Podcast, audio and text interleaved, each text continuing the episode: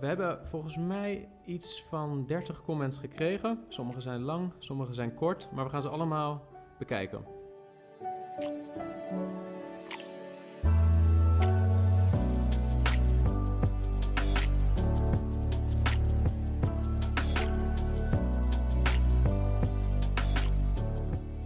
God zegen allemaal, broeders en zusters. Dit is het vervolg op het gesprek wat ik twee weken geleden had met Wilco Sliedrecht. We hebben het toen gehad over ehm, de coronacrisis. We hebben het gehad over de actualiteit. We hebben twee artikelen besproken. Een artikel van James White en een artikel van John Piper. Ehm, en we hebben veel reacties gekregen op die video. Ik heb ook aangegeven dat we nog een keer die vragen zouden beantwoorden of zouden kijken naar die comments. Dat willen we vandaag ook gaan doen. Dus uh, Wilco, bedankt dat jij uh, opnieuw bereid bent om hier uh, te zijn en samen hier naar te kijken, om die comments eens door te nemen. We hebben volgens mij iets van 30 comments gekregen. Sommige zijn lang, sommige zijn kort, maar we gaan ze allemaal bekijken. Um, we beginnen even bij die van Rianne van Zomeren. Die zegt: Ik ben christelijk. Nou, dat is niet echt een vraag, maar daar zijn we wel blij en dankbaar om, Rianne, dat je christelijk bent, toch? Absoluut. Wil jij er nog iets over kwijt aan Rianne? Ik, uh, ja. ik, zou zeggen, geen commentaar. Nee, nee. dat is een grote zegen, hè? Ja. Prijs de Heer. Uh, Jacco, helaas is het wel zo dat we nu te maken hebben met corona. Achter de schermen uh, wordt er een agenda uitgewerkt. Het draait straks om totale controle over de mensheid. Heb jij er iets op te zeggen, Wilco? Of? Nee, dus ik denk dat we straks ook wel uh, in andere antwoorden op terugkomen. Dus een, een zienswijze, inderdaad. Ja. ja. Kijk, het, um, ik denk wel dat we alvast kunnen zeggen dat, uh, dat. Dit kunnen we niet uitsluiten. We kunnen het ook niet bewijzen, denk ik, dat het zo is.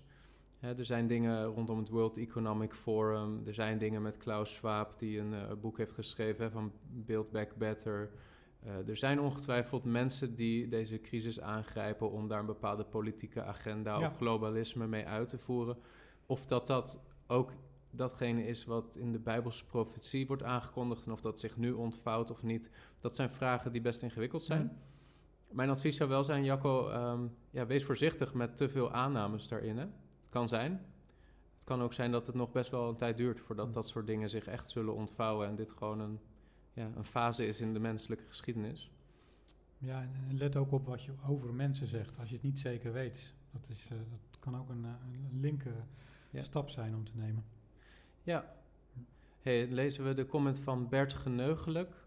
Ik heb een paar vragen over waarom vele mensen angstig zijn voor de dood. 1. Waarom zou een gelovige zich laten vaccineren terwijl hij of zij weet dat na het sterven hem of haar het koninkrijk Gods staat te wachten? Oké, wil jij daarop reageren, Wilco? Ja, dat is, uh, dat, dat, is, een, uh, natuurlijk een waarheid. Um, aan, aan, de andere kant, hè, mensen worden ook, ook ziek. Um,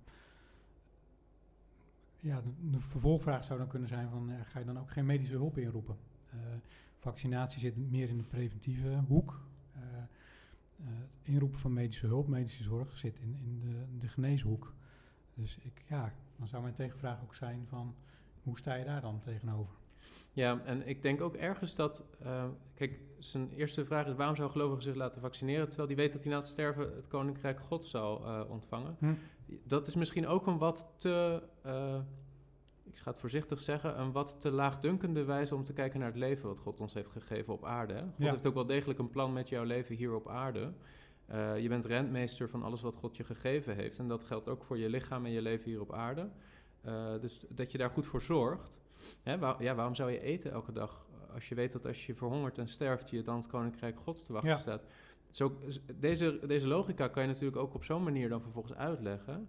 Ik denk dat rentmeesterschap ook betekent dat je wel degelijk ook moet zorgen voor het leven wat God je gegeven heeft. En vaccineren kan daar een logisch onderdeel van zijn, of niet. Maar de redenering is niet, in die zin niet helemaal logisch. Nou, je hoort soms ook een uh, bepaald dualisme terug. Hè? Dat de aardse, dat zou er niet toe doen en het geestelijk is het echte. Um, terwijl als je kijkt naar Jezus' bediening op aarde, die genas ook mensen. En die, uh, die uh, ja, het, het, leed wat er was, dat trok hij zich aan. En ja. uh, in, in, die zin was er toen ook niet van, joh, de hemel komt eraan, het eeuwige leven, ik doe er niks mee. Ja, en denk ook aan de wetgeving die gegeven is aan Israël rondom melaatsheid. Hè? Hele strenge wetten om te voorkomen dat ehm, ja, eh, bepaalde infectieziekten het hele volk zouden aantasten. Dus in die zin lijkt het er ook wel duidelijk op dat God zich ook bekommert om het leven op aarde. Zeker, Ehm, ja. Hey, het tweede wat Bert zegt, waarom zou een gelovige zich laten vaccineren, tussen haakjes iets inbrengen in het lichaam, terwijl er staat geschreven, of weet gij niet dat uw lieder lichaam een tempel is van de Heilige Geest die in u is, die gij van God hebt, en dat gij uws zelfs niet zijt, hij gebruikt een wat oudere vertaling, Mhm. Want gij zijt duur gekocht, zo verheerlijk dan God in uw lichaam en uw geest welke van God zijn. Met andere woorden, uw lichaam is van God, niet van uzelf, dus God bepaalt eh, wat hij met ons lichaam doet of wil. Dus eigen keuzes maken wat wij met ons lichaam doen, gaat dwars tegen de Heilige Geest in. Met de hoofdletters ook dat stuk. Ja, Ja, dus de, de redenering, dat komt ook later nog in andere comments terug. Het lichaam is het tempel van de Heilige Geest, hè, dat staat ook in de Korinthebrief. Ehm, maar eh, is dat een reden om eh, je niet te kunnen laten vaccineren? Het is 1 Korinthe 7, toch? Ehm, in een rijtje van, eh, van, eh, van eh, zonden, waaronder hoererij. En daar gaat het specifiek over hoererij. Ehm, ja, je zegt natuurlijk heel wat als je vaccinatie in datzelfde rijtje plaatst als eh, zonde. En in dit geval een zonde die tegen het lichaam ingaat. Ehm, ja, ik, Ja. ik denk niet dat vaccinatie in dat rijtje thuis hoort. Nee, dus de context, bijbelse context van dat vers, tempel is een, hè, je, je lichaam is een tempel van de Heilige Geest, is ehm, je mag niet zondigen tegen je lichaam Mhm. door bijvoorbeeld ehm, gemeenschap te hebben met een prostituee. Ja, Hè, dus hoererij gaat expliciet over zonde. Het is ook heel duidelijk in de Bijbel dat seksuele immoraliteit zondig is. Dus daar in die context is het logisch om dit toe te passen. ja. Als het gaat om vaccinatie, ja, dat. ehm, kijk, zelfs als je die analogie van de tempel aanhoudt. De, het volk Israël werd geacht ook voor de tempel te zorgen. Ze hadden verantwoordelijkheid. Er was een priesterdienst. Ze moesten het onderhouden. Ze moesten er. En ik denk dat een christen ook net zo goed in die zin de verantwoording heeft om te zorgen voor zijn lichaam. Hè? Om zich te kleden, eh, te eten. Ehm, eh, als er ziekte is, dat te, eh, te behandelen. Eh, te- ik denk ook in zekere zin dat je een gezonde leefstijl zou moeten nastreven als Ja. christen. Hè? Ook als rentmeester van je lichaam. De sport is daar denk ik ook een belangrijke, of kan daar een belangrijke in zijn. Niet alle christenen zitten op die lijn, maar ik denk Nee. persoonlijk van wel. Eh, roken, hè, dat is ook zo'n... eh, Ja. Ja.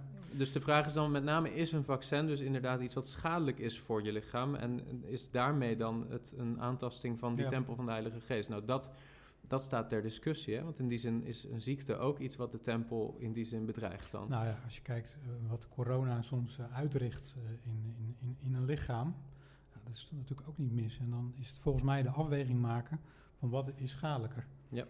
En eh, Ja, dus dit argument hè, van je gaat dwars in tegen de Heilige Geest, dat volgt niet logisch uit deze analogie. nee, En ook niet uit dat schriftgedeelte. Nee. Dus ehm, eh, begrijpelijk dat dit hiernaar voor, wordt verwezen, maar het ja, is niet helemaal het logisch. vaker hoor. Ja, je hoort Ja. het vaker. Ja. En, eh, maar goed, het is niet helemaal, denk ik, een goede uitleg van die verse.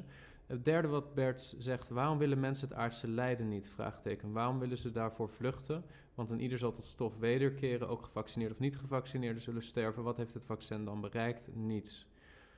Ehm, Nou, uiteindelijk is dat natuurlijk zo. En, en eh, ieder mens heeft vroeg of laat met lijden te maken. En dat kun je ook niet ontvluchten. ja, je krijgt ook niet het eeuwige leven door het vaccin Nee, te nemen. En nee, dat wordt ook nee, niet echt beloofd door de fabrikant. Eh, het is ook de vraag van, moet je het dan opzoeken? Ja, Dat is een andere, andere kant ervan. ja. Eh, Nou ja, en wa- waarom willen mensen het, het lijden niet? Kijk, je zou deze, dit zou je ook doortrekken kunnen trekken naar waarom doe je dan een autogordel om? Hè? Je ben je dan zo bang om een ongeluk te krijgen en de rest van je leven verlamd te raken? Of eh, waarom doe je die gordel dan om? Hè? Het, het heeft gewoon, denk ik, in mijn ogen te maken met rentmeesterschap. Als jij lijdt om de naam van Christus, dan is het een voorrecht om te mogen lijden voor zijn naam. Ehm, maar eh, ja, lijden zonder dat dat een hoger doel dient, puur omdat je het opzoekt, dat wordt nergens in de Bijbel bemoedigd Nee. om dat Nee. op die manier te doen. Nee. Hè, de, de- in de Petrusbrieven wordt ook heel duidelijk een onderscheid gemaakt tussen lijden omwille van de naam van Christus, of ja, lijden eh, nou ja, omdat je zelf verkeerde keuzes maakt, Ja. zeg maar. Ja. en zegt de Johannesbrief ook niet van, eh, ik, ik wil dat het jullie goed gaat, wel gaat ook naar gezondheid? Ja, dat is de 3 Johannesbrief, Hmm. dacht ik. Ja. Ehm, Dus, dus dat, dat doet helemaal mee, die Dat gezondheid. is ook een vers wat Ja. soms wordt aangehaald door Word of Faith theologen. Hè? Van eh, God wil dat het je in alle Ja. opzichten wel gaat. Maar eh, ik denk dat dat te ver gaat. Dan rek je de context op. Het was gewoon een manier van begroeten. Ja, Maar eh, ik denk wel dat het dat De gezondheid doet ertoe. Dat Je gezondheid doet ertoe. En Ja. het is ook wel iets moois dat de apostel dat toewenst aan zijn lezer. Hè? Dat het goed gaat. Ja, het vierde punt wat Bert nog maakt. De Bijbel leert ons dat wij vervuld moeten worden met Janssen-vaccinatie. Oh, sorry hoor, er staat met de Heilige Geest. Waarom willen de mensen daar dan niet mee gevaccineerd worden? Ehm, ja, dit is, ik denk dat hij hier toch gewoon wat sarcastisch is. Maar je zegt als het ware, je moet vervuld worden met de Heilige Geest, niet met het Janssen-vaccin.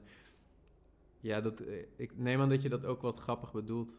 Hè? Ik, ik vermoed het. Ja. Maar dat Ja. je vervuld moet worden met de Heilige Geest, dat is een opdracht. Ja. Hè, Het wordt voortdurend elkaar vervuld. niet eh, tegen te spreken. Nee, precies. Nee. Je kan net zo goed zeggen, ja, je Ja. moet niet eten. Want eh, dat je vervuld moet worden met, eh, met eten, dat staat er niet. Het staat met de Heilige Geest. Ja, dat, zo, kan je hem, zo kan je Bijbelversen niet Ja. uitleggen. Ja.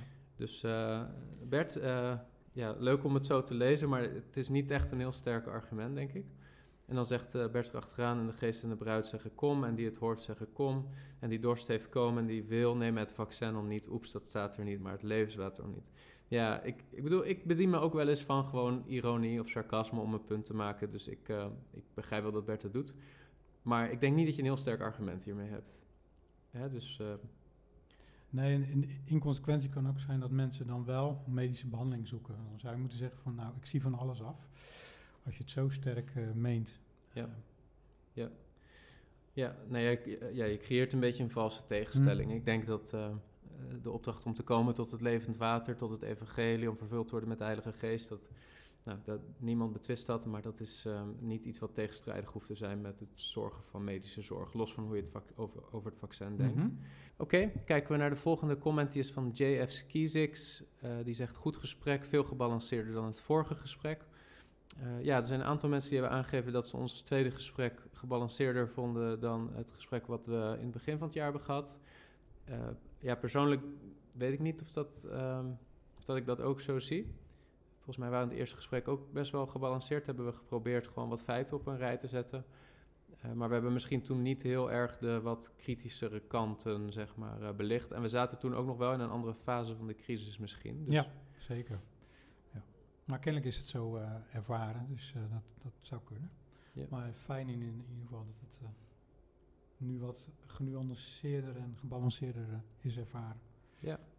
Hey, dan zegt eh, JF Skizix vraag 1. Hugo de Jong heeft in mei 2021 zelf gezegd dat je beter geen meerdere vaccins achter elkaar kunt nemen, vooral niet als je al corona hebt gehad. Zie video Hugo de Jonge vaccineren doe je niet voor de lol en einde van mondkapje, tijdelijke wet COVID-19. Oké, dat is een YouTube-video waar hij naar verwijst. Vervolgens draait hij helemaal om in zijn standpunt en geeft aan dat vaccins veilig zijn. Waarom zou ik een overheid vertrouwen die met een gespleten tong spreekt?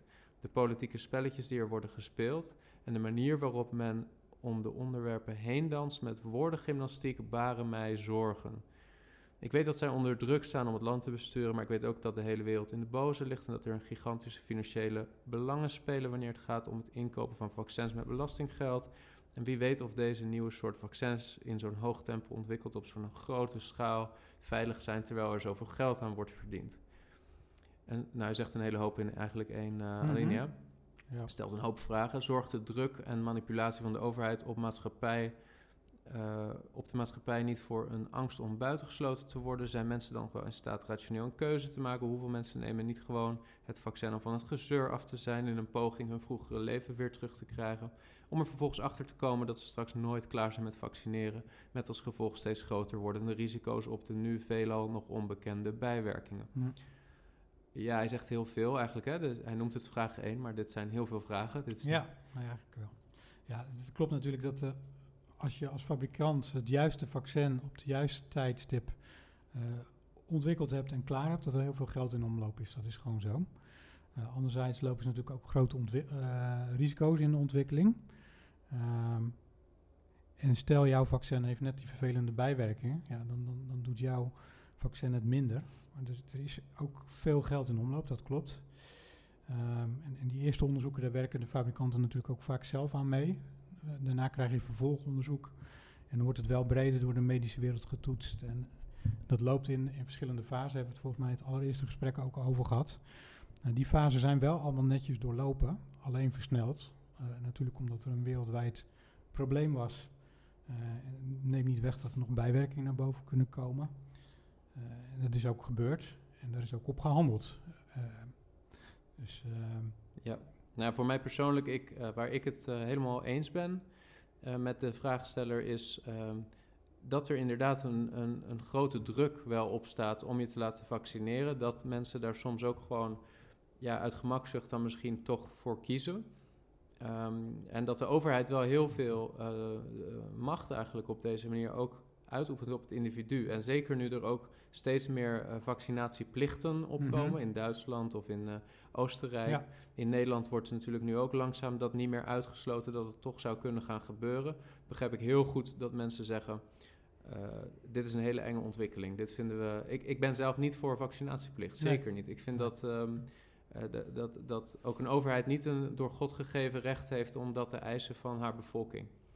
Uh, ik denk dat dat echt de autonomie van uh, het individu gewoon schaadt en dat, dat je gewoon in de hele westerse samenleving dat niet zou mogen doen en, en niet, niet, niet mag willen, zeg maar. Het creëert wel echt een precedent van, van, van veel macht voor een overheid. Dus ik snap ook wel de sceptisch. Ja. En de lange termijn bijwerkingen, ja, dat blijft natuurlijk gewoon een zorgelijk punt. Hè? Want nu zie je met de Omicron-variant dat er dan, uh, nou ja, omdat er met dat mRNA-vaccin, je, ja, je kan gewoon het nieuwe virus of de nieuwe mutatie kun je weer sequencen. Dan weet je eigenlijk wat de genetische nieuwe code is in theorie kun je dan vrij makkelijk het vaccin wat er nu is aanpassen. Dan zet je even de juiste spijkers erop. Uh, ja, om te zeggen. ja, Pfizer en Moderna hebben in feite nu al aangekondigd... nou, met een week of vier kunnen we dit alweer uh, ontwikkelen... en um, ook vaccineren tegen deze variant. Je creëert wel ook een precedent als het gaat om de snelheid van zoiets accepteren en toedienen op grote schaal. Daar ben ik ook wel wat uh, bezorgd om. Dus um, ja. Maar goed, andere kant, er is ook wel sprake van een een, een crisis. Dus uh, probeer die twee dingen wel naast elkaar te laten blijven bestaan. Hè? Ja.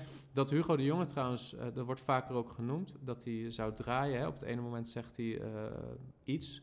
In een later stadium van deze crisis doet hij toch iets anders. Mm ja, er wordt soms gezegd, Hugo de Jonge liegt. Oké, ik ben het er wel in die zin mee eens dat hij soms onhandige uitspraken doet en uh, stellig iets kan beweren waar die dan vervolgens uh, op terug moet die komen. Niet, niet kan waarmaken bijvoorbeeld. Dat, ja. ja. Ik wil wel ook een beetje een lans breken voor de man in de zin van, ja, als je leider bent, heb je ook soms te maken met veranderende omstandigheden. En dan kan het zomaar zijn dat je op punt A in de tijd, gegeven bepaalde omstandigheden, iets communiceert of iets besluit. Ja. En een paar maanden later er toch weer nieuwe informatie is, waardoor je iets anders moet. Um, dus dat, dat is onderdeel van leiderschap en onderdeel van uh, verantwoordelijkheid dragen. Dat is niet makkelijk. Nee. Maar ja, ik wil dat niet meteen allemaal in de categorie van liegen zetten. Ik vind dat dat te hard is. Om het nou ja, dan, dan spreek je ook wel weer een oordeel over iemand uit, terwijl je zijn motieven ook niet kent. Ja. Um, nogmaals, ik heb dat de vorige keer ook gezegd. Ik geloof echt dat, dat de volksgezondheid uh, echt zijn hart heeft en dat dat nu leidend is in wat hij doet. Uh, als je kijkt naar de laatste persconferentie, ja, dan merkte ik ook wel die toon van vaccinatie, vaccinatie. Hè, dat het behoorlijk uh, erin uh, geramd wordt, zou je bijna zeggen. En ik dacht toch op dat moment van ja, dan ga je de andere mensen die, die, die zich in een hoekje gedrukt voelt niet mee overtuigen in ieder geval. Dus dat werkt averechts. Ja, nou ja, dat zie je in verschillende landen. Hè, dat hoe meer druk. Ik denk dat mensen die echt gewetensbezwaren hebben, ja, die gaan niet opeens dat dan wel doen. Maar die zullen eerder zich eh, gesterkt voelen in hun morele overtuigingen. En, ja. Nou ja, vandaag in, in, uh, in België, hè, dat, je, dat, dat brandweermannen tegenover uh, politiemannen staan in, in de protesten. Ja, dat is toch een situatie die je niet moet hebben vanwege een vaccinatieplicht in de zorg. Ja, dat is, nee, dus ik, ik ben zelf tegen iedere vorm van vaccinatieplicht. Ik hm. denk dat het echt bij het individu zou moeten blijven liggen. Ja. Uh, Vraag 2 dan maar. Dat zijn ook verschillende vragen. Wat is de geestelijke strijd die zich afspeelt rondom deze situatie? Waar gaat dit allemaal naartoe? Als we uitzoomen, kun je nou concluderen dat er een grote strijd wordt gevoerd om de vrijheden van de mensen te beperken. Hoe past een verplichte QR-code in het plaatje van de eindtijd? Komt het merkteken van het beest straks ineens uit de lucht vallen? Of werkt de duivel stapje voor stapje om de wereld te beheersen? Zijn dit slechts complottheorieën? Of zit er misschien een kern van waarheid in? Nou, dit is meer een theologische vraag mhm. dan, uh, dan dat wij als artsen daar nou extra gezag in zouden hebben of kennis van zouden hebben of zo. Maar ja, misschien wel interessant om jouw visie daarop te horen. Ik, ik geloof zelf, ik zeg op dit moment, en nog niet in een uh, zeg maar boosaardig wereldwijd plan waarin de vaccinaties een onderdeel zijn. Uh, ik zie, nou, dat zei ik net al, een duidelijk volksgezondheidsprobleem en daar wordt nu op, op geacteerd. En in die zin kun je natuurlijk ook het hele QR-code verhaal duiden. Men zoekt gewoon van hoe kunnen we de boel open houden of openzetten of weer open krijgen. maar ik ben het wel eens met het gevaar van dat je een hellend vlak kunt hebben. Kijk, alles ligt klaar, bij wijze van spreken, om te kunnen beheersen. Uh, met alle systemen en dergelijke. Dus een foute macht kan er wel makkelijk de eindjes aan elkaar knopen. Ja, en kijk, ja. complottheorieën, dat is ook misschien wat... Um, kijk, de, de, vraagsteller combineert heel veel verschillende vragen. En dat maakt het wat lastig om zo eenduidig te antwoorden. Mm -hmm. Het is gewoon een feit dat dat World, World Economic Forum, dat is gewoon een platform, hè, die komen samen in Zwitserland eens in het jaar. Nou ja, daar hebben ze wel, uh, dat zijn veel invloedrijke mensen. Hè? Politici, bedrijfsleiders, et cetera, et cetera. Uh, Klaus Schwab heeft het opgericht, wat is het, in de jaren zeventig of zo. Mm. Uh, dat is nog steeds de, de, de, directeur ervan. En die man heeft een duidelijke visie, ja. die niet per se een bijbelse visie is. Hè? Die, Nee. die heel erg gericht is op globalisme. We moeten de wereld verbinden. Technologie heeft zich echt op een heel bizarre manier ontwikkeld. Eigenlijk de laatste, ja, wat is het, 30 jaar. Hè, computers zijn ontstaan, we zijn met elkaar verbonden geraakt op het internet. Uh, dus, dus, in die zin, zij hebben wel een bepaalde visie op waar het naartoe zou moeten met Ja. een vierde industriële revolutie. En zij gebruiken graag een crisis, en dat doen bedrijfsmensen vaak graag. Hè, zo zijn ze getraind om te denken, om een crisis te zien als een gelegenheid Ja. om iets te herorganiseren of om, om een, een, een goede crisis niet, niet te verspillen, maar te benutten. Ja, Hè, waar de meeste mensen de crisis vooral zien als, eh, ja, we moeten hier doorheen en het is allemaal heel moeilijk. Zijn er ook mensen die denken, hoe kan ik hier ehm, ja. mijn belangen uit... eh, nou, deze mensen hebben een visie op eh, hoe de wereld in de toekomst georganiseerd zou kunnen worden. En die visie is, denk ik, antichristelijk. Of in elk geval heeft meer te maken, denk ik, met de mens in zijn autonomie, zeg maar, centraal zetten. En wij als mensen organiseren het met elkaar wel Ja. eventjes. En in die zin denk ik dat de vraagsteller wel een gezonde scepsis heeft. Ehm, en ik denk dat we als christenen wel onze ogen open moeten houden wat dat betreft. Ja. Waar ik voor waak persoonlijk is dat je te ver gaat in je aannames als christen. En dat je vervolgens zegt, zie je wel, dit is de Ja. vervulling van openbaring hoofdstuk 13, het is de QR-code. Ik denk persoonlijk niet dat Nee. openbaring hoofdstuk 13 gaat over een QR-code. Ik vergeet ook niet dat hij ook, ook gewoon wel dingen zegt die, je- die je naar waarde kunt schatten over milieu. En, en, ja, het kan allemaal niet meer zo gaan zoals het ging. Alhoewel je ziet nu iedereen wel weer de reizen maken zoals het voorheen was. Hè. Dus, in die zin hebben ze ook wel, eh, wel ware dingen gezegd. Ehm, maar als je het hebt over openbaring 13. ehm, je ziet nu in deze discussie, bijvoorbeeld de vaccinatiediscussie, dat de grens eh, door de christenheid, die loopt er dwars doorheen. En dit zal echt gaan over iets waar een wedergeboren christen niet in kan meegaan. Ja. Eh, Jezus niet erkennen eh, als Heer. En die laatste eindtijd openbaring, het is, het, is, het is, als je het goed leest, het is onontkoombaar. Mhm. Eh, maar je leest ook dat het onder de toelating van God gaat. Dus in die zin, ja, wie zijn wij om te denken dat we iets tegen kunnen houden wat op een gegeven moment staat te gebeuren.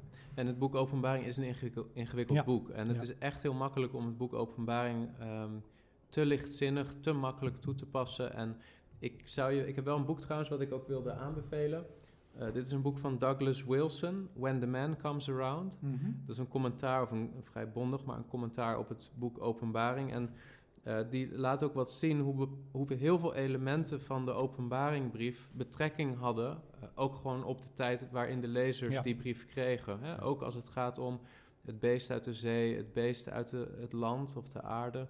eh, hoe dat ook wel te maken heeft gehad toen al met de situatie rondom Israël, Romeinen, de vernietiging van Jeruzalem in Ja. het jaar 70 na Christus. Dus er zijn verschillende visies op het boek Openbaring. Ik persoonlijk geloof niet dat het boek Openbaring geen toekomstige Mhm. profetieën nog heeft die nog in vervulling zullen gaan. Die heb je ook. Er zijn mensen die geloven het hele boek Openbaring is in de eerste eeuw vervuld. Ja. Nou ja, dan inclusief de wederkomst van Christus, hè, die dan in de vernietiging van Jeruzalem in het jaar 70 na Christus eh, zou zijn geweest.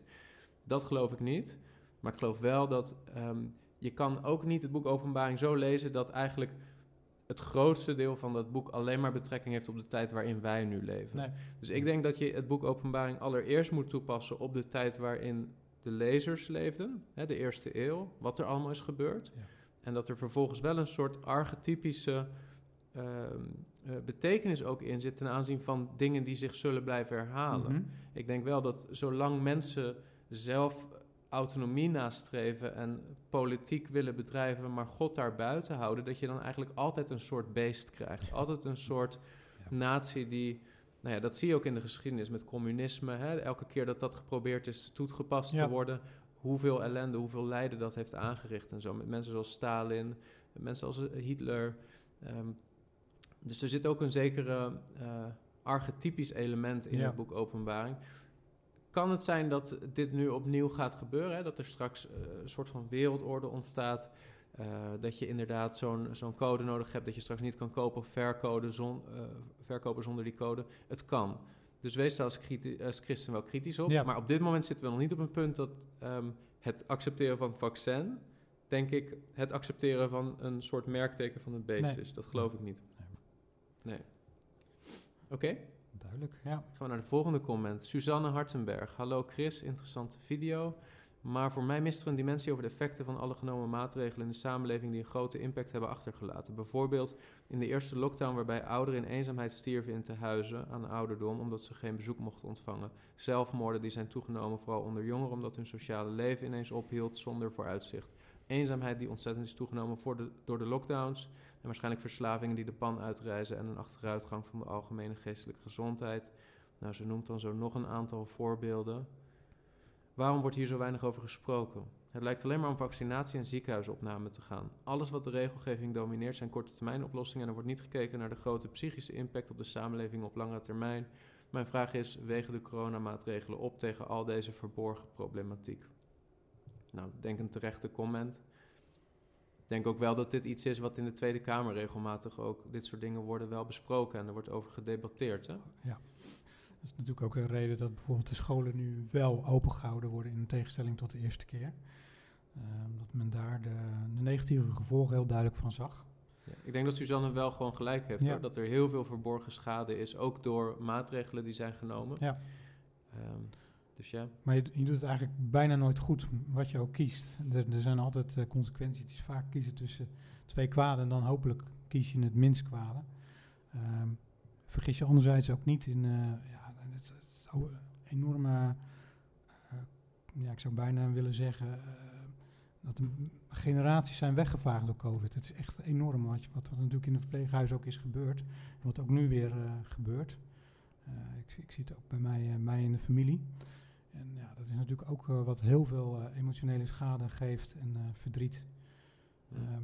Maar ja, weegt dat af tegen de eenzaamheid? Ik, ik, ik weet het niet. Het is, Ja. Je kunt bijna geen goede keuze maken. nou dat, Ja. dat, is, en dat is ook wel iets wat ik wil meegeven, niet alleen aan Suzanne, maar ook aan alle mensen die hiermee bezig zijn, ook als christenen. Probeer jezelf even in de schoenen te zetten van ehm, een Mark Rutte of een Mhm. leider van het land. Hè? Dit zijn allemaal dingen die ze moeten meewegen, waar ze over na moeten denken. Het, het, het is niet eenvoudig. Je zou daar ook het liefst niet willen staan. Dus wees als christen niet te kritisch op keuzes die leiders maken. Soms maken ze ook verkeerde keuzes, soms onderschatten ze bijeffecten. Maar het is ook niet makkelijk de positie waarin, Nee. waar ze in staan. Nee. Dus bid ook voor ze en ehm, ja, breng ze voor de Heer. Eh, het, is, het is niet makkelijk. Nee, eh, suïcide wil ik wel nog iets over zeggen. Eh, Mhm. Want de verwachting was in het coronajaar dat het toe zou zijn genomen. Nou, dat is uit de cijfers niet gebleken. Eh er is wel een probleem onder jongeren. Ehm, aan de andere kant was dat ook al een stijgende trend die zich al ingezet had. Dus het is heel lastig. Het zal zeker eh, meespelen. Eh, ook, ook hier kun je niet in een op één relatie gelijk zeggen van eh, het zit zo. Het is ingewikkeld, maar wel een goed punt eh, dat ze dit eh, aankaart. Eh, David Stam, bedankt voor deze boodschap. Het is goed te vernemen dat er respect uitgesproken wordt voor zowel de gevaccineerden als ongevaccineerden en dat deze om hun redenen in hun waarde worden gelaten. Na dit gesprek beluisterd te hebben, moest ik direct aan het verhaal van de reiniging van de tempel denken. Jezus die ontzettend furieus werd nadat hij zag dat er handel gedreven werd in de tempel. Vervolgens citeert hij ook 1 Korinthe 6, hè, van, eh, we hadden, zeiden geloof ik eerst 7, maar hij citeert 6, het zal in 6 staan. Weet gij niet dat uw lichaam een tempel is van de Heilige Geest? Ja, dit hebben we eigenlijk al wel wat besproken, Ja. maar hij heeft het dan ook over het element... was Jezus niet verschrikkelijk boos toen de tempel verontreinigd werd... door kooplieden die handel dreven. Wij nu, als zijnde de tempel, daar wordt op dit moment handel gedreven... naar mijn mening zonder dat dit zelf tot enig resultaat zou leiden. Sterker nog, het kan tot lijden leiden. Ehm, ja, kijk, als, als, eh, ehm, als je die analogie trekt zo hè, en zegt: Oké, het lichaam is de tempel van de Heilige Geest. Jezus werd heel boos toen de tempel verontreinigd werd. Ook die zou ik dan eerder toepassen op zonde. Mhm. En dat er zonde, als stel dat je zondigt tegen je eigen lichaam, ja, dan kan je daarmee ook, denk ik wel, afleiden misschien. Het is natuurlijk wel een soort van verlengde interpretatie van wat er gebeurt met de Heer Jezus in de tempel, maar eh, zou je het op die manier kunnen toepassen. Maar wat, wat niet bewezen wordt natuurlijk eh, door wat David zegt, is dat, eh, de, ja, dat de tempel verontreinigd wordt door een vaccinatie. Mhm. Toch? Ja, nou ja, dat de bijwerkingen zijn dat mensen eh, hele nadelige effecten van de vaccinatie hebben gehad. Dat, dat is natuurlijk waar. Dat is, dat is, dat is Die, die heb je zeker. Die heb je zeker. Maar dat is natuurlijk een, een afweging die je op bevolkingsniveau moet maken. En als je dan kijkt naar ja, wat is het nut per leeftijdsgroep, nou, daar hebben we het natuurlijk vorig gesprek ook al over gehad. Ja, gezonde kinderen, Mhm. dan wordt dat een hele lastige discussie. Eh, Ja. Nou, en dat, dat vind ik ook. eh, dat was deze week. ehm, eh, werd geloof ik door kinderartsen ook wat meer de richting nu ingegaan. Van ehm, ja, je zou ook gezonde kinderen moeten kunnen vaccineren. of het zou veilig zijn. Ik vind dat echt problematisch Mm. dat ze dat zo zeggen. Ik, bedoel, ik moet ook zeggen van. Ja, je kan wel kinderarts zijn. Maar dat geeft je niet per se meer kennis over hoe dit gaat uitpakken als je kinderen gaat vaccineren. Nee. Ik ehm, persoonlijk vind daar, dat daar te veel onzekerheid ligt Ja. voor, voor kinderen. Dus ik, Het advies is nu wel de kwetsbare eh, met name, vanuit uh, Ja. Ook. En dat is uit de kwetsbare kinderen en daar kan ik wel inkomen. ja, maar dat is dan meer denk ik Ja. als je het risico voor dat kind afweegt. Hè? Van als het kind corona krijgt, hoe zal dat dan uitpakken voor dat specifieke kind Dat, met die risicofactoren? En dan kun je die risico's afwegen. Ja. Als het puur gaat om we gaan alle gezonde kinderen vaccineren om de kwetsbare delen van de populatie te beschermen, dan zeg ik nee, dan overscha- zeker niet straks met boosters die snel ontwikkeld gaan worden. Eh, mensen, overschat jezelf niet, overschat je kennis niet, want dit kan gewoon fout gaan als je dit niet zorgvuldig doet. Dus dat, ehm, ja. Tegenwoordig als je dat soort dingen zegt op YouTube, kan je eh, van YouTube verwijderd worden. Hè. Ze hebben de richtlijn ook heel erg aangepast. Ja. Dus ehm, ik hoop dat eh, als dit bekeken wordt door de recensenten van YouTube, dat jullie ook begrijpen dat we hier gewoon een gebalanceerd gesprek proberen te voeren. Maar de censuur is best wel aan het toenemen Ja, op dit onderwerp. Laat dit staan, AUB. Ja. Ehm, even kijken. Waarom zou een gelovige meegaan in de onzekerheid die het vaccin voor de toekomst met zich meebrengt, zegt David nog. Dit is niet wat God ons wil bieden. Angst of onzekerheid geeft hij ons nooit. Zijn woord leert ons op hem te vertrouwen. Dat is de enige vaste grond die er is. Ja, op zich hoef je ook niet mee te gaan in angst en onzekerheid, hè? Het is meer, wil je laten vaccineren of niet? Ja, Ja, nee, dat- dat is een afweging ik heb me wel laten vaccineren, maar ik heb daar niet heel veel angst bij ervaren. of zo. Nee, dat is, vind ik altijd wel grappig dat dat gezegd wordt. Dat Ja. ervaar ik eigenlijk helemaal niet. En eh, ja, ik, ik, ik- je kunt het nooit 100% bewijzen, maar ik, ik weet van iemand die mij heel dierbaar is, die denk ik nu nog leeft, vanwege de vaccinaties. Dus dat, eh, dat is Ja. een persoonlijke ervaring. En eh, zo ken ik eh, meer verhalen. Ja, dat het, is het af- idee van angst is niet Nee, Je hoeft nee. niet per se angst te voelen om wel gewoon verstandelijk te... nee, nee. Ik ken mensen die gewoon zonder enige angst gewoon dachten... Oh, leuk, fijn, ik heb een vaccin eh, wat Ja. ik kan nemen. Hopsa, ik ben beschermd. Nou ja, eh, dat kan een afweging zijn. Ik denk dat zowel ongevaccineerd zijn... en vervolgens heel angstig en onzeker zijn mogelijk is... als je laten vaccineren en angstig en onzeker zijn. Maar inderdaad, de, de, het voorpiepen nu bij de boostervaccinaties en zo, dat laat wel een bepaalde Angst. mentaliteit zien. Ja. Ja, dus dat, dat is zeker wel aanwezig. Eh, zelf herken ik dat niet. Nee. Nee. En dan zegt David nog: Het belangrijkste wat ons op aarde zou moeten bewegen is ons geloof in Hem. Daaruit ontstaat alles zoals de Heer Jezus het verwoordt in Lucas 21. Mogen we in elke moeilijke periode onze hoofden opheffen omhoog naar de plaats waar onze verlossing vandaan komt. We hebben niet zomaar een leven, maar horen te laten zien dat we een eeuwige toekomst voor ogen hebben. Ja, eh, eens. Maar ik zie daar niet een tegenstelling met eh, je wel of niet laten vaccineren. nee. Hoop op God, want we zullen Hem loven. Hij is de volkomen verlossing van ons aangezicht. En voor alle gelovigen geldt, blijf denken aan de belofte die de Heer Jezus ons gegeven heeft in Matthäus 28. Ik ben met u al de dagen tot aan de voleinding der wereld. Dat is genade en genade werkt vrede uit. daaruit moeten we leven. Ja. Ja, nee, dat zijn, zijn waarheden die wij uh, allebei beamen. Ja, uh, maar, maar zet ook niet, zet niet nee. mensen die, die wel zich laten vaccineren nee. automatisch in het kamp van... oh, die geloven dus niet dat, uh, dat God de verlosser is... of dat Jezus bij hen is. Nee, of, nee want dat, dat volgt elkaar niet... Het volgt niet uit elkaar dat je door je te laten vaccineren... dus daarmee de verlossing niet meer van Jezus ontvangt of zo. Nee, maar hier is het ook weer het geweten. die discussie over dat vlees eten, hè, dat ja. Uh, dat kun je hier natuurlijk ook op toepassen. En, uh, ga alsjeblieft niet uh, de status van een andere christen beoordelen. Ja, ik vind het soms ook wel grappig. Sommige christenen lijken dan te zeggen: ja, accepteer het vaccin niet, want het is gif. Vertrouw op God. En als je sterft, dan, ja, dan ben je toch bij hem. En ik mm -hmm. denk dan, nou ja, goed, als het vaccin gif is, dan kan ik het net zo goed nemen. Want als ik dan sterf, ben ik toch bij hem. Hè? Ja. Dus die, met die redenering kan je ook twee kanten op gaan. Ja, er staat ook iets over het nemen van gifbekers natuurlijk van christenen. Ja? Maar ja. uh, dat, uh, dat, dat, wordt dan niet toegepast. Dat nee, nee, nee, de, nee, Nou goed. Ja. Uh, consequentie is in die zin, hè? Consistent zijn is ook een kunst soms. Heb je iets gehad in deze video? Druk dan op like en wil je vaker dit soort apologetische video's zien? Abonneer dan op dit kanaal.